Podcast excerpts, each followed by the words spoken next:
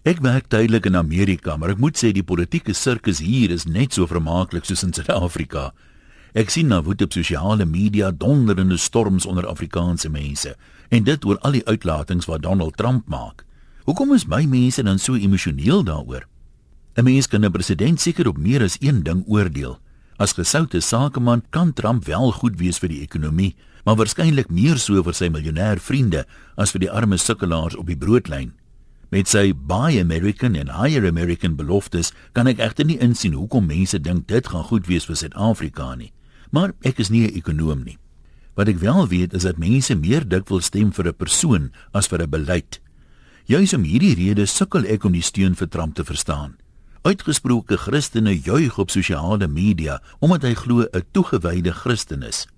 Ek het egter al geleer dis 'n betroubaarder toets om die boom aan sy vrugte te oordeel en is hier waar veral vroue se steun aan Trump my stom slaan.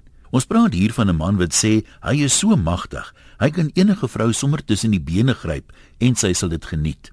En toe hy daarmee gekonfronteer word, ontken hy dit nie, maar lag dit af as cloakroom banter. Sy eie dogter is vir hom so mooi, hy sou seks met haar gehad het as dit nie sy dogter was nie. Ek het nog nie voorheen sulke goed by toegewyde Christene gehoor nie, maar wie is ek om te oordeel? Mag ek wel vra mevrou, Hoe sal jy voel as jou man sulke dinge sê? Trots?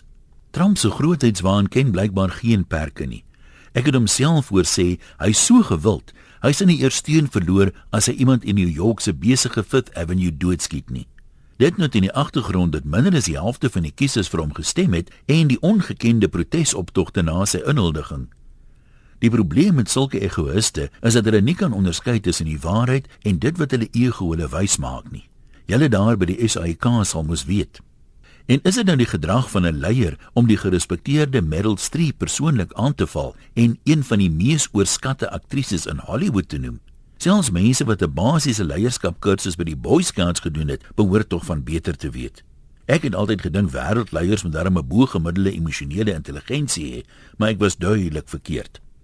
Maar hoekom is veral Afrikaanse mense dan so beïndruk met Trump? Toe ek gister met my pa in Suid-Afrika praat, maak hy die opmerking dat al die Trump-ondersteuners waarvan hy weet, taamlik konservatief is. Hulle is keelvol vir politieke korrektheid en die gebrek aan sterk Afrikaanse leiers wat saam met die NP en die AWB dood is. Daarom bewonder hulle die feit dat Trump so uitgesproke is en sê net wat hy wil. Dis mos wat sterk leiers doen en in hulle eenvoud sien hulle dit as kragtadige leierskap sonder om te dink aan die gevolge. Hier in New York sê iemand by die kerk dat mense beter voel oor hulle eie neersien op ander as hulle hoor 'n toegewyde Christen so stramp doen dit ook. Ek wil nie daaroor kommentaar lewe nie, maar wat my wel bekommer, is dat daar so baie mense is wat dink groot bek boelies maak groot leiers. Ek kan egter geen groot wêreldleier onthou met hierdie eienskappe nie. Dalk is Trump die eerste en dalk is hy ook die eerste toegewyde Christen leier wat nie glo in nederigheid nie. God help America and South Africa. Groete uit 'n koue New York, Antoniem.